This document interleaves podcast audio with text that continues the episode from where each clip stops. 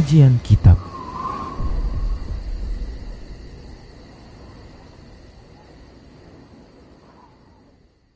Bismillah, Assalamualaikum warahmatullahi wabarakatuh. Innalhamdalillah Nahmaduhu wa nasta'inuhu wa nastaghfiruh Wa na'udhu billahi min syururi anfusina Wa min sayyiyati a'malina. Man yahdihillah fala mudillalah Wa man yudlilhu فلا هادي له وأشهد أن لا إله إلا الله وحده لا شريك له وأشهد أن محمدا عبده ورسوله صلى الله عليه وسلم. قال الله تبارك وتعالى يا أيها الذين آمنوا اتقوا الله حق تقاته ولا تموتن إلا وأنتم مسلمون. يا أيها الناس اتقوا ربكم الذي خلقكم من نفس واحدة وخلق منها زوجها وبس منهما رجالا كثيرا ونساء واتقوا الله الذي تساءلون به والأرحام إن الله كان عليكم رقيبا يا أيها الذين آمنوا اتقوا الله وقولوا قولا سديدا يصلح لكم أعمالكم ويغفر لكم ذنوبكم. ومن يطع الله ورسوله فقد فاز فوزا عظيما. أما بعد فإن أصدق الحديث كتاب الله وخير الهدى هدى رسول الله صلى الله عليه وسلم وشر الأمور محدثاتها وكل محدثة bid'ah wa kulla bid'atin dalalah wa kulla dalalatin finnar Para pemirsa Rosyad TV dan para pendengar Radio Medan Mengaji di mana saja Anda berada, rahimani wa rahimakumullah. Alhamdulillah kita bersyukur kepada Allah Subhanahu wa taala atas semua nikmat yang Allah telah berikan kepada kita. Selawat serta salam tak lupa kita ucapkan untuk nabinya Muhammad sallallahu alaihi wasallam. Para hamba Allah rahimani wa rahimakumullah Kita akan lanjutkan pembahasan berikutnya. Masih membahas tentang ya kitab Minhajul Muslim dalam bab akidah dan kita juga masih membahas tentang keimanan terhadap hari akhir.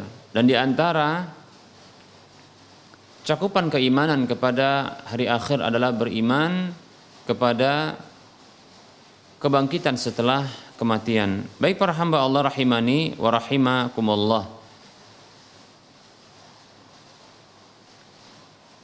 Kita telah menyebutkan pada pertemuan yang lalu dalil-dalil dari Al-Qur'an maupun hadis Nabi Shallallahu alaihi wasallam yang keduanya adalah wahyu dari Allah Subhanahu wa taala yang menyebutkan tentang adanya hari akhir setelah kehidupan dunia ini adanya kebangkitan setelah kematian. Baik para hamba Allah rahimani wa rahimakumullah. Dan itu merupakan bantahan bagi mereka siapa saja di antara mereka yang mengingkari adanya kebangkitan setelah kematian, adanya hari akhir setelah kehidupan dunia ini. Baik para hamba Allah rahimani wa rahimakumullah.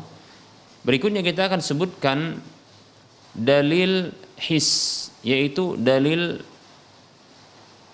indra ya. Ya indra manusia yang bisa dijadikan dalil tentang hal tersebut. Baik di antara dalil indra yaitu indra manusia yang bisa mengidentifikasi bukti-bukti adanya kehidupan setelah kematian, adanya kebangkitan setelah kematian, adanya hari akhir setelah kehidupan dunia ini. Di antaranya Allah Subhanahu wa taala memperlihatkan kepada hamba-hambanya bagaimana dia menghidupkan orang-orang yang telah mati dalam kehidupan dunia ini. Allah Subhanahu wa taala mampu untuk menghidupkan orang-orang yang telah mati di dalam kehidupan dunia ini. Karena ada sebahagian manusia yang mereka mengingkari kemampuan Allah Subhanahu wa taala untuk menghidupkan kembali orang-orang yang telah mati setelah hancurnya seluruh tubuhnya. Maka ini dalil his yaitu bukti yang bisa diindra oleh manusia. Di antara buktinya kita akan sebutkan yang pernah terjadi dan ini pernah diindra oleh manusia ketika itu. Contohnya adalah seperti di dalam surah Al-Baqarah ayat 55 Allah Subhanahu wa taala berfirman tentang ungkapan kaumnya Nabi Musa alaihissalam tatkala mereka mengatakan kepada Nabi Musa alaihissalam A'udzu billahi minasyaitonir rajim lan nu'mina laka hatta narallaha jahrah Kami kata kaumnya Nabi Musa tidak akan mempercayaimu wahai Musa sampai kami bisa melihat Allah Subhanahu wa taala dengan mata kepala kami. Maka Allah Subhanahu wa taala mewafatkan mereka, kemudian menghidupkan mereka. Maka dalam hal ini Allah Subhanahu wa taala berfirman kepada Bani Israel, Allah mengatakan dalam surah Al-Baqarah ayat 55 dan 56 Allah mengatakan a'udzu billahi minasyaitonir rajim wa in qultum Ya Musa lan nu'mina laka hatta narallaha jahratan fa akhadhatkumus sa'iqatu wa antum tanzurun. Summa ba'asnakum min ba'di mautikum la'allakum tashkurun Allah berfirman dan ingatlah tatkala kalian itu pernah mengatakan kepada Musa alaihissalam Wahai Musa Sekali-kali kami tidak akan mempercayaimu sampai kami bisa melihat Allah Subhanahu wa taala dengan mata kepala.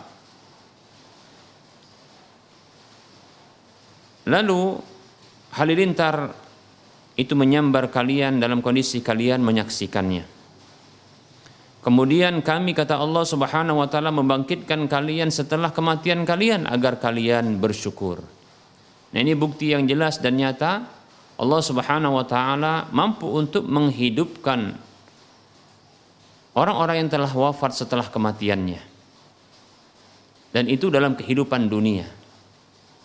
Dan itu disaksikan oleh orang-orang sekitar dan itu menjadi bukti bagi saksi bagi orang-orang yang yang hidup ketika itu. Baik para hamba Allah rahimani wa rahimakumullah. Contoh yang kedua adalah Kisah di mana ada orang yang terbunuh Kemudian terjadi perdebatan di kalangan Bani Israel. Lalu Allah Subhanahu wa taala memerintahkan agar mereka menyembelih seekor sapi lalu dengan sebahagian dari anggota tubuh sapi itu dipukulkan kepada orang yang terbunuh tersebut.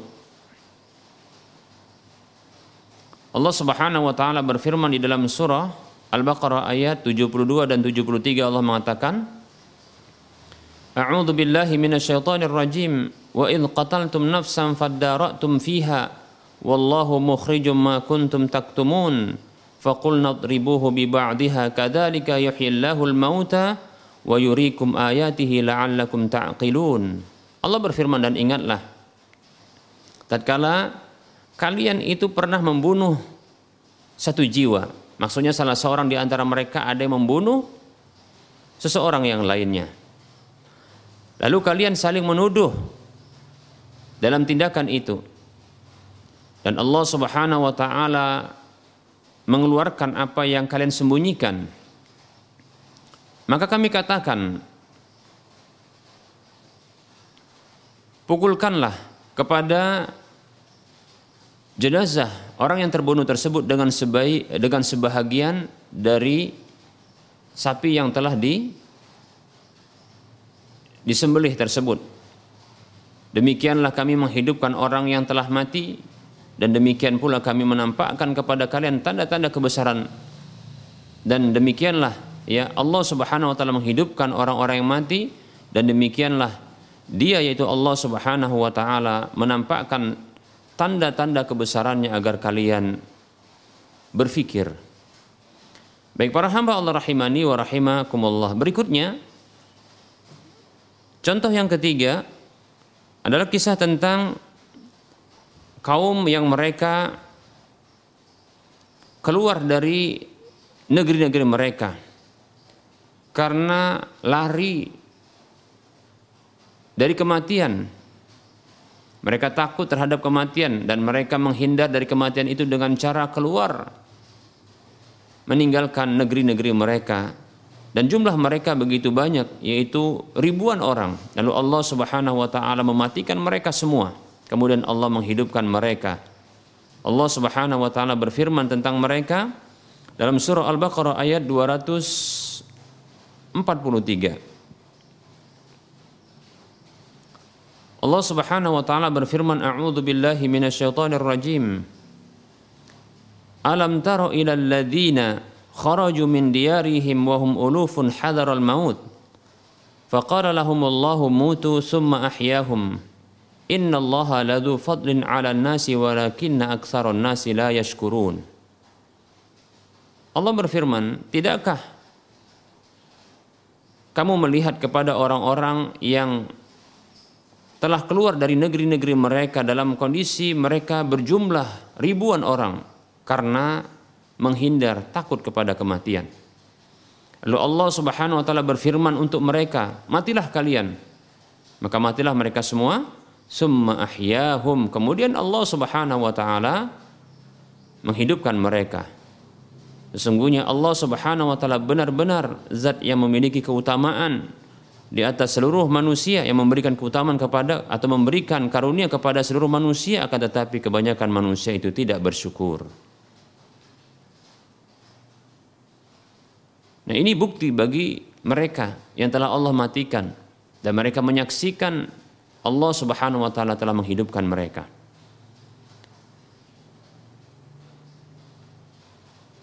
Berikutnya contoh yang keempat yaitu dalam Al-Qur'an tentang kisah orang-orang tentang orang yang tentang kisah orang yang pernah melewati satu negeri yang telah hancur Lalu dia merasa tidak yakin bahwasanya Allah bisa menghidupkan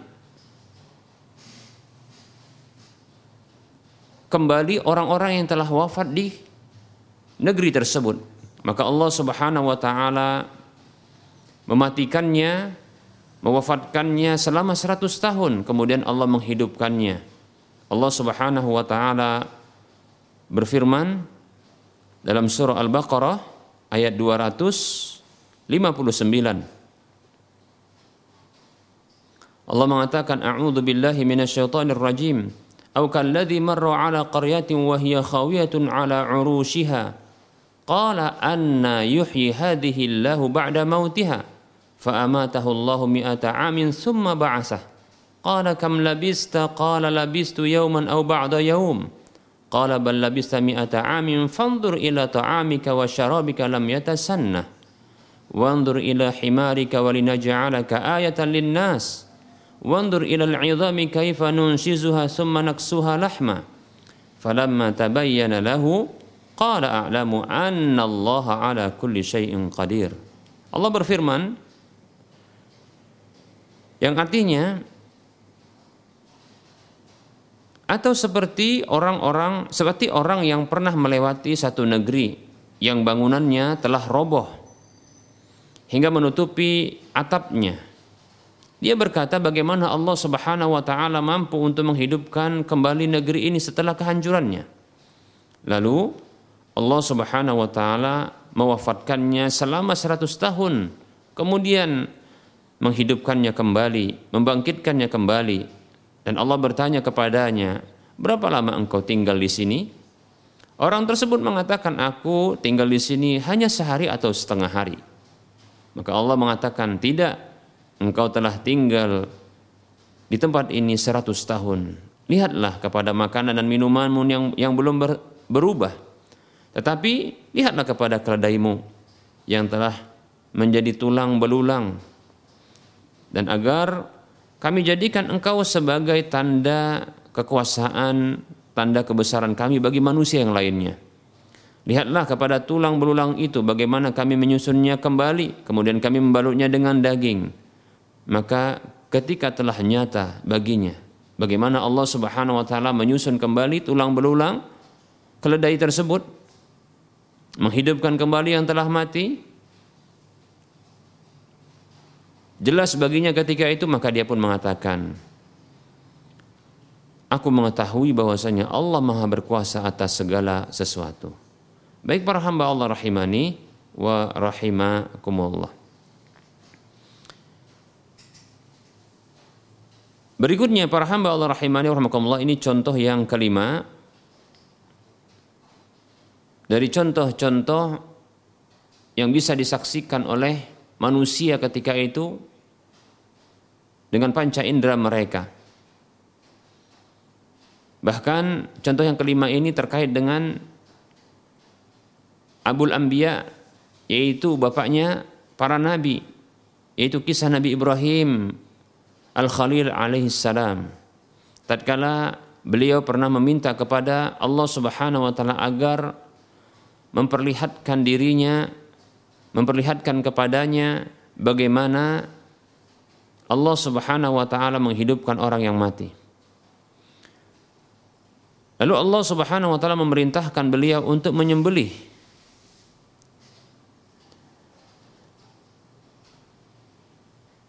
empat ekor dari burung. Kemudian memisahkannya potongan-potongan tersebut di gunung-gunung yang ada di sekitarnya. Kemudian Allah perintahkan beliau untuk memanggil dan menyeru burung-burung tersebut.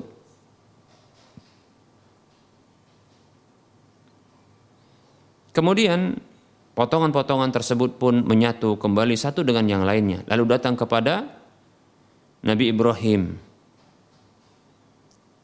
Dalam hal ini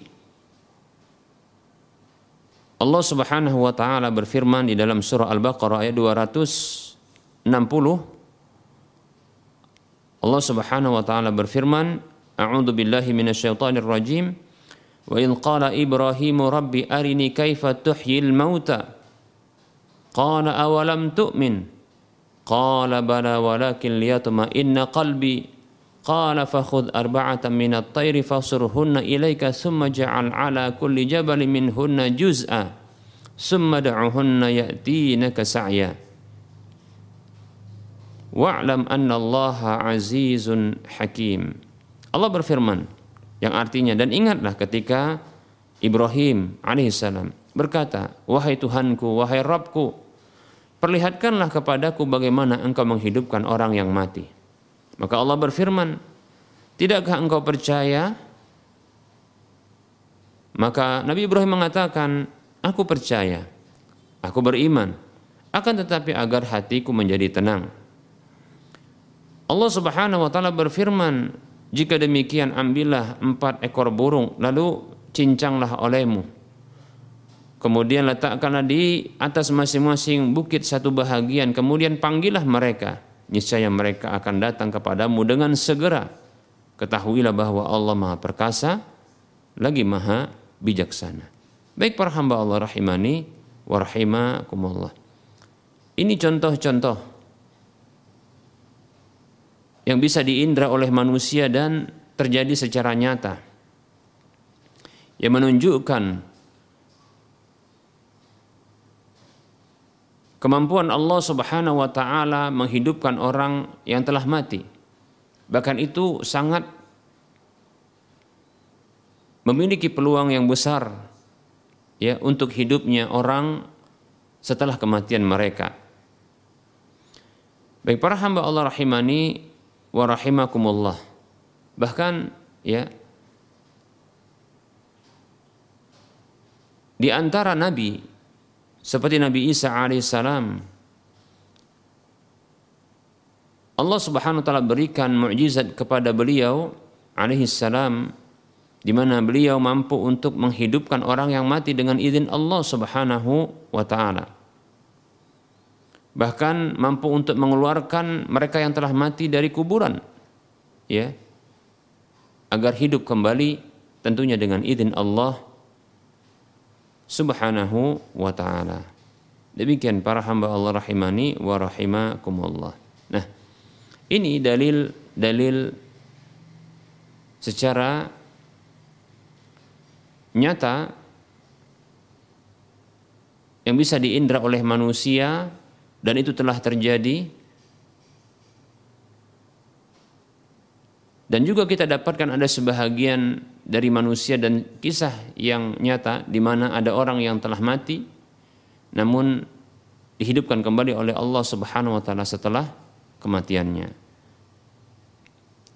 Dalam kehidupan kita ini di zaman ini. Oleh karenanya para hamba Allah rahimani rahmakumullah bukanlah sebuah hal yang mustahil bagi Allah Subhanahu wa taala menghidupkan kembali orang-orang yang telah mati. Dan itu menunjukkan bahwa Allah Subhanahu wa taala memang akan menghidupkan kembali para hamba-hamba mukallaf ini setelah kematian mereka untuk Allah Subhanahu wa taala memperhitungkan amal-amal mereka kemudian membalas mereka. Semoga Allah Subhanahu wa taala menjadikan kita sebagai hamba-hambanya yang berbahagia yang ketika kita dihidupkan kembali oleh Allah Subhanahu wa taala maka Allah Subhanahu wa taala menghitung kita dengan perhitungan amal yang ringan, yang mudah, kemudian membalas setiap kebaikan kebaikan kita dan memaafkan setiap kesalahan-kesalahan kita. Amin ya rabbal alamin. Baik para muslim rahimani warahmatullah.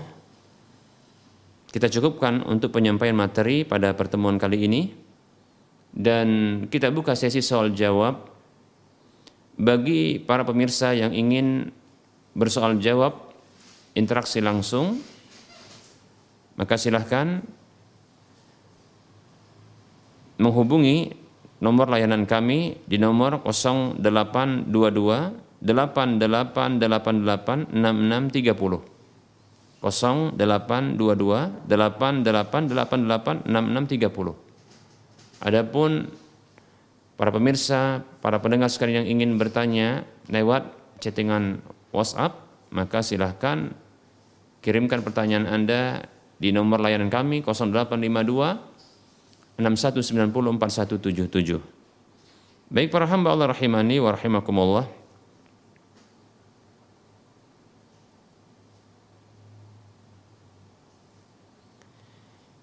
Kita akan menjawab pertanyaan yang telah masuk. Ada pertanyaan?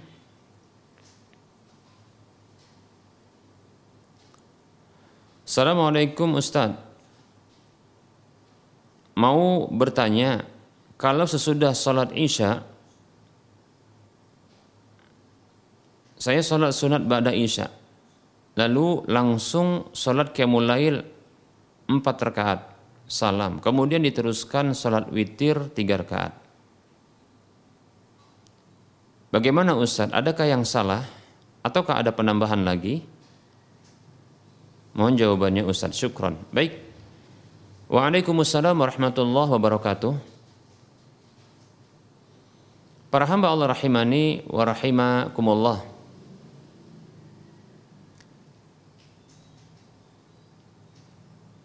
Sesungguhnya qiyamul lail itu berdiri salat di malam hari setelah salat Isya. Itu merupakan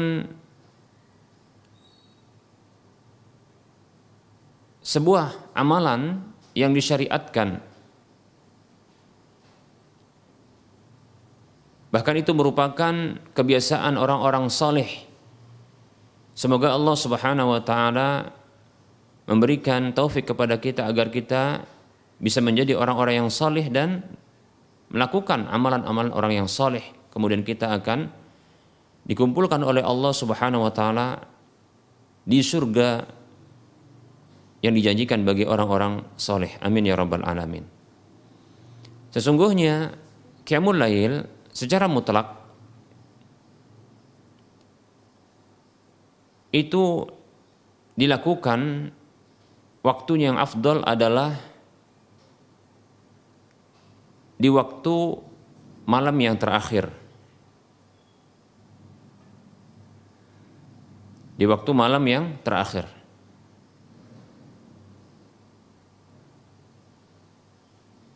Karena demikian yang dinyatakan Nabi Shallallahu Alaihi Wasallam tentang sholat malamnya Nabi Daud alaihissalam. Bahwasanya Nabi Daud alaihissalam beliau tidur setengah malam, kemudian bangkit berdiri sholat di sepertiga malam dan tidur kembali di seperenam malam. Disebutkan dalam hadis yang diriwayatkan oleh Imam Bukhari Muslim dari sahabat Abdullah bin Amr radhiyallahu anhu yang mengatakan Rasulullah sallallahu alaihi wasallam bersabda, "Ahabbu salati ila Allah salatu Dawud alaihi salam." Salat yang paling dicintai oleh Allah adalah salatnya Nabi Daud alaihissalam. Wa habbu siyami ilallahi siyamu Daud alaihissalam. Dan puasa yang paling dicintai oleh Allah adalah puasa Nabi Daud alaihissalam. Bagaimana salat Nabi Daud itu? Yang dicintai oleh Allah. Kana yanamu nisfal laili. Dahulu beliau itu tidur setengah malam wa yaqumu sulusahu dan beliau bangkit di sepertiga malam wa yanamu sudusahu kemudian beliau ya dan beliau tidur kembali di seperenam malam wa yasumu yauman wa yuftiru yauman dan bagaimana puasa Nabi Daud yang dicintai oleh Allah adalah beliau berpuasa sehari, berpuasa sehari dan tidak berpuasa sehari. Demikian. Hadis riwayat Bukhari Muslim. Nah, ini adalah bentuk sholat malam yang paling dicintai oleh Allah dan ini merupakan bentuk sholat yang paling afdol dari Qiyamul Lail itu yaitu melakukan sholat setelah tidur. Melakukan sholat malam itu setelah tidur. Demikian para hamba Allah rahimani warahmatullah oleh karenanya Nabi kita Muhammad Shallallahu Alaihi Wasallam menjadikan hal ini menjadi kebiasaan yang terakhir beliau yaitu beliau sholat malam itu setelah tidur. Salat malam beliau itu setelah tidur. Demikian. Dan menjadikan witir itu di akhir dari setiap salat malam beliau. Oleh karenanya beliau SAW bersabda, Ija'alu akhiru salatikum bil laili witra. Jadikanlah akhir dari salat malam kalian itu ya itu witir demikian. Baik para hamba Allah rahimani warahmatullah. Hanya saja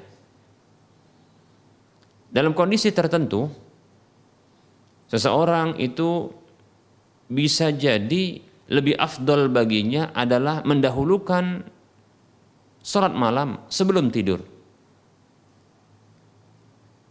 Apabila dikhawatirkan olehnya terluputkan sholat malam itu baginya, maka dianjurkan bagi dia untuk melakukan sholat malam sebelum tidur.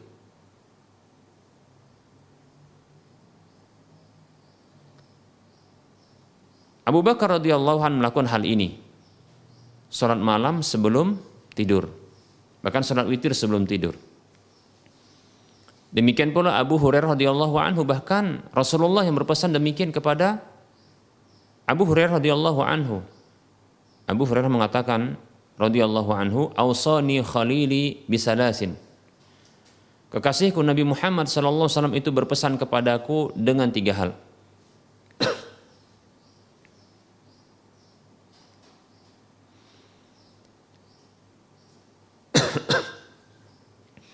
Di antara pesan yang disampaikan oleh Rasulullah SAW kepada Abu Hurairah adalah wa an utira qabla an anam. Itu agar aku berpuasa agar aku salat ya witir sebelum tidur. Demikian. Baik para hamba Allah rahimani rahimakumullah. Ini dipesankan oleh Nabi kita Muhammad SAW kepada Abu Hurairah radhiyallahu anhu dikarenakan Abu Hurairah radhiyallahu anhu punya kebiasaan tidur larut malam karena beliau mencatat kembali pelajaran-pelajaran yang didapatkan dari Nabi Shallallahu Alaihi Wasallam di malam hari sampai larut. Sehingga Nabi SAW yang mengetahui kebiasaan Abu Hurairah radhiyallahu anhu ini ya memberikan e, pesan untuk bisa melakukan sholat witir sebelum tidur. Demikian. Bahkan di awal-awal dahulu Nabi SAW melakukan sholat malam itu di awal malam ya. Beliau juga pernah melakukan sholat malam itu di pertengahan malam. Namun beliau memilih di akhir-akhir hidup beliau untuk melakukan salat malam di akhir malam. Demikian. Baik para hamba Allah rahimani warahmatullah ya maka keafdolan secara per individu ini bisa dilihat ya kondisinya ya. Bisa jadi keafdolan itu bagi seseorang melakukan sholat malam itu di awal malam bisa juga di pertengahan malam bisa juga di akhir malam. Apabila seseorang memiliki peluang untuk bisa waktu, e, bisa istirahat di awal malam dan tidak terlalu capek sehingga tidak khawatir untuk kelewatan atau keterusan atau kebablasan istirahatnya di waktu malam hari maka hendaknya dia berniat untuk bangun salat malam di akhir malam. Demikian para hamba Allah rahimani wa rahimakumullah. Baik ya. Berikutnya pertanyaan berikutnya.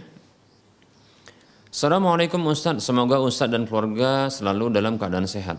Amin ya rabbal alamin. Saya mau bertanya Ustaz, saya dan istri tinggal serumah dengan mertua. Dan saat ini saya mau keluar kota tiga bulan dan saya menyarankan istri dan mertua untuk pindah dekat orang tua saya biar dekat dan bisa dijaga juga.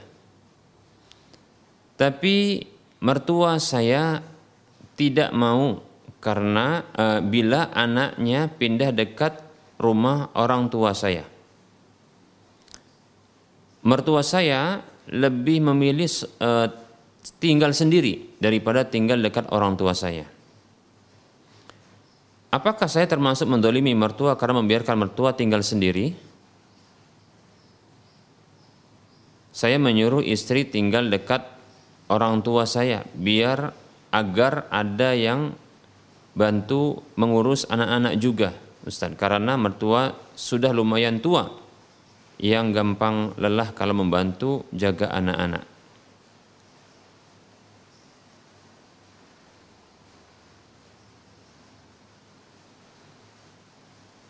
Baik.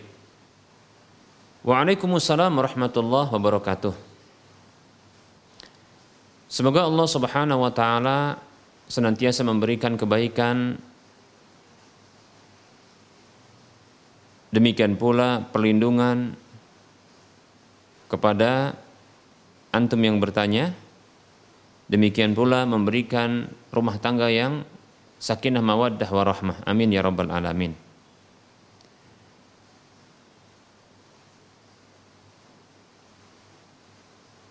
Sebaiknya dalam kasus seperti ini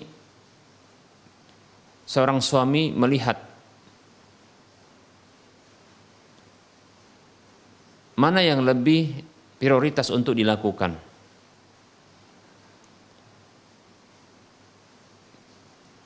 Penjagaan anak tidak selayaknya dibebankan kepada orang tua baik itu orang tua dari istri kita atau orang tua kita.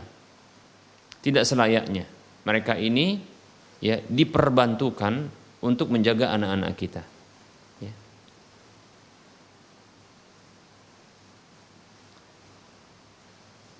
Namun bukan berarti ketika kita berada di tempat mereka ya kita memberikan beban kepada mereka untuk menjaga anak-anak kita. Ya. Dan perlu kita sampaikan juga kepada anak-anak yang telah memahami untuk tidak menyusahkan ya nenek dan kakeknya dengan banyak permintaan ya dengan banyak uh, melakukan pengerusakan ya atau ya uh, bahkan sebaliknya ya membantu nenek dan kakek untuk meringankan ya pekerjaan mereka. Nah ini yang mestinya kita didik anak-anak kita untuk demikian. Baik, ya. Dan perlu kita tekankan juga jangan sampai orang tua kita baik itu mertua kita yaitu orang tua istri kita demikian pula orang tua kita itu kita berikan tugas diperbantukan menjaga anak-anak. Jangan. Ya. Dan kita sampaikan kepada orang tua kita jangan terlalu repot ngurusin anak ya. Biarkan mereka bermain seperti itu. Kalaupun kita ya e, berkunjung kepada mereka itu dalam rangka untuk memperkenalkan anak-anak kita dengan kakek serta neneknya. Seperti itu. Bukan untuk menjaga mereka. Seperti itu ya. Nah tidak layak demikian. Nah dilihat ya mana skala prioritas yang paling penting. Apabila kita dapati mertua kita ini sangat lemah ya lebih lemah ketimbang orang tua kita. Ya, alangkah lebih baik apabila orang tua tersebut e, mertua kita ini didampingi oleh ya anaknya sendiri yaitu istri kita. Ya, seperti itu. Adapun ya mertua kita yang lemah tersebut jangan sampai dia berpikiran bahwasanya adanya anak-anak kita di sisinya dia ditugaskan untuk mengurusi anak-anak kita. Jangan sampai demikian agar dia tidak terbeban.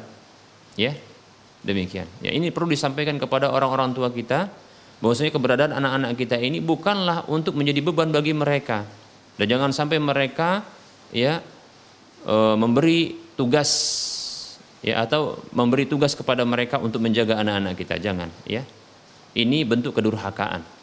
Ini memberikan beban baru setelah mereka terbeban dengan ya dengan dahulu kita semasa kita kecil yang diurusi oleh mereka. Jangan sampai mereka mengurusi anak-anak kita kembali. Demikian ya, para hamba Allah rahimani wa rahimakumullah. Ya. Maka lihat skala prioritasnya. Ya, mana yang lebih utama yang dibutuhkan ya untuk kita berada di sisi mereka. Apakah orang tua kita ataukah mertua kita? Demikian. Wallahu taala alam.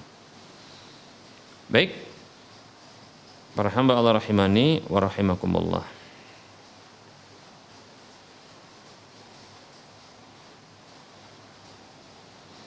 Ada pertanyaan Assalamualaikum warahmatullahi wabarakatuh Saya mau bertanya Ustaz Orang tua sedang sakit Dari gejalanya seperti ciri ciri orang yang kena penyakit covid Apakah istri bisa merawat orang tua? Apakah hukumnya kalau istri merawatnya?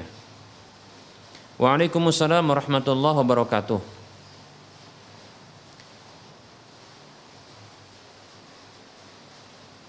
Sebelumnya ya.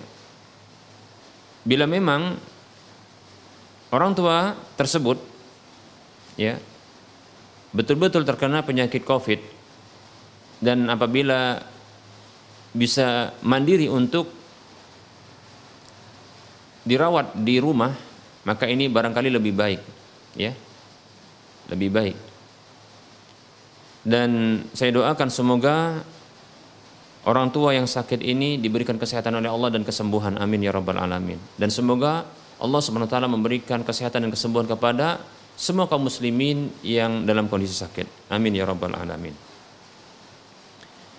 Hanya saja menugaskan istri atau meminta istri untuk merawat orang tua kita ini butuh untuk ya kerelaannya.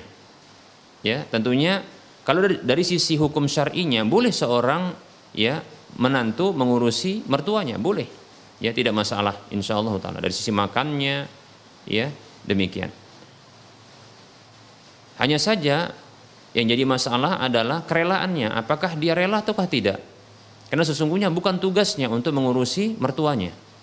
Tapi ada tugas anak. Ya, demikian, ya. Maka hukumnya adalah boleh, Tapi terkait dengan uh, aurat seperti mengganti apa namanya popo kalau seandainya pakai popo ya atau mengganti uh, pakaian yang ini akan terlihat aurat maka jangan sampai ya menantu melihat mertua ya demikian. Alangkah lebih baik adalah ya uh, anak sendiri yang melakukannya demikian ya lebih-lebih adalah bila berbeda jenis kelamin contohnya mertua e, menantu perempuan ya ini melihat aurat mertua laki-laki. Nah maka ini tidak benar tentunya ya. Ini tidak dibenarkan ya. Wallahu taala alam. Adapun hukum mengurusinya maka ini dibolehkan. Karena sesungguhnya memang ya e, menantu dengan mertua mereka adalah mahram. Demikian ya. Wallahu taala a'lam ada pertanyaan, Ustadz bagaimana kita menyikapi jika ada orang yang berniat jahat melakukan sihir-sihir dan perbuatan seperti mengirim gangguan syaitan kepada kita dan anak-anak kita? Bismillah. Pertama sekali, kita jangan sampai berburuk sangka bahkan menuduh, jangan sampai menuduh orang lain itu melakukan tindakan jahat kepada kita jika tidak ada bukti yang jelas darinya. Kalau sekedar hanya dugaan-dugaan maka hilangkan. Tapi bukanlah ya tidak boleh bagi kita untuk melakukan tindakan preventif bila kita khawatirkan. Ya silahkan membentengi diri dengan rukyah-rukyah yang pernah diajarkan oleh Nabi Shallallahu Alaihi Wasallam.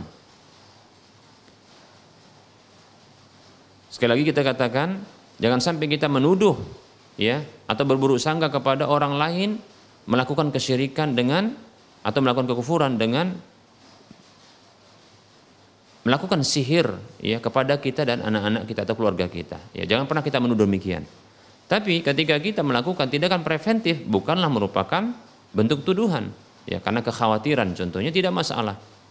Dan itu termasuk yang disyariatkan. Seperti contohnya kita khawatir anak kita terkena penyakit ain atau khawatir terkena gigitan binatang berbisa atau khawatir mungkin orang lain akan melakukan e, tindakan keburukan kepadanya. Walaupun kita tidak menuduh orang lain, tapi kita khawatir saja, maka dibolehkan. Ya, kita membentengi ya diri kita dan anak-anak kita dengan memohon perlindungan kepada Allah Subhanahu wa taala dengan cara melakukan rukyah. Seperti di antaranya secara umum kita boleh lakukan dengan cara pembentengan rumah, pembentengan diri ya dengan e, membentengi rumah. Seperti contohnya adalah e, dibacakan surah Al-Baqarah di rumah tersebut. Nabi kita Muhammad wasallam bersabda, "La taj'alu buyutakum maqabira fa inna syaitana yanfiru minal baiti alladhi tuqra'u suratul eh, yuqra'u fihi suratul Baqarah." Hadis riwayat Muslim dan yang lainnya. Kata Nabi sallallahu alaihi wasallam, Janganlah kalian jadikan rumah-rumah kalian seperti kuburan karena sesungguhnya syaitan itu lari dari rumah yang dibacakan di dalamnya surah Al-Baqarah. Ya. Syaitan ini baik syaitan kiriman ataupun syaitan jin yang dia uh, usil saja ya. Baik ya. Bisa juga secara pribadi-pribadi seperti untuk kita pribadi kita membaca zikir-zikir setelah sholat ya. Begitu juga di waktu pagi dan petang ketika hendak tidur ketika keluar rumah demikian. Nah ini zikir zikir pribadi ya yang kita lakukan. Ini insya Allah jadi benteng bagi kita ya. Begitu juga kita bisa ajarkan zikir-zikir itu kepada anak-anak kita. Bila mereka belum mampu, maka kita yang melakukan zikir, ya rukyah, zikir rukyah kepada mereka. Seperti yang pernah dilakukan Nabi SAW kepada Hasan dan Husain membaca doa, U'idukuma bi kalimatillahi tammati min kulli syaitanin wa hammatin min kulli ainin lammah. Ya,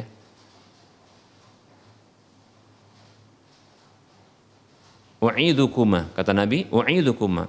Aku mohonkan perlindungan kepada Allah untuk kalian bikalimatillahi tammah dengan firman-firman Allah yang maha sempurna. Ya. Min kulli syaitan dari setiap syaitan. Ini baik syaitan itu yang sifatnya kiriman seperti tadi sihir-sihir atau syaitan yang usil. Min kulli syaitanin wahamatin lamah. Demikian pula dari eh, hewan-hewan berbisa dan dari setiap pandangan mata yang menimbulkan ain ya. Pandangan mata yang jahat demikian. Nah ini doa yang bagus ya karena Rasulullah melakukan hal demikian seperti itu ya. Boleh juga ya e, memutarkan murotal di rumah tersebut atau membacakan Al-Quran di rumah tersebut ya secara berkala dan rutin ya bisa juga dengan surah Al-Baqarah tadi yang diputarkan murotalnya. Demikian ya. Wallahu taala a'lam. Ada pertanyaan Bismillah Assalamualaikum Ustaz Di desa saya Jika mayit sudah dikubur Maka setelah maghrib Para tetangganya datang kembali ke rumah si mayit Untuk melaksanakan sholat mutlak Yang akan dihadiahkan kepada mayit Apakah hal ini disyariatkan? Jika hal tersebut tidak disyariatkan Bagaimana jika orang-orang tersebut melakukan sholat gaib boleh tidak? Mohon penjelasannya. Jazakumullahu khairan. Waalaikumsalam warahmatullahi wabarakatuh. Saya pribadi tidak pernah mendapatkan satu dalil ya melakukan sholat kembali ya setelah maghrib untuk jenazah yang telah dikuburkan disebut dengan sholat mutlak ini tidak ada saya dapatkan satu dalil pun. Barangkali bisa ditanyakan kepada ustadz-ustadz yang lain tentang dalilnya. Sehingga saya pribadi pun tidak pernah melakukan hal demikian. Ya, yaitu sholat mutlak yang dihadiahkan kepada si mayit yang telah dikuburkan. Demikian. Namun berbeda halnya bagi orang yang belum mensolatkan ini kasusnya berbeda ya.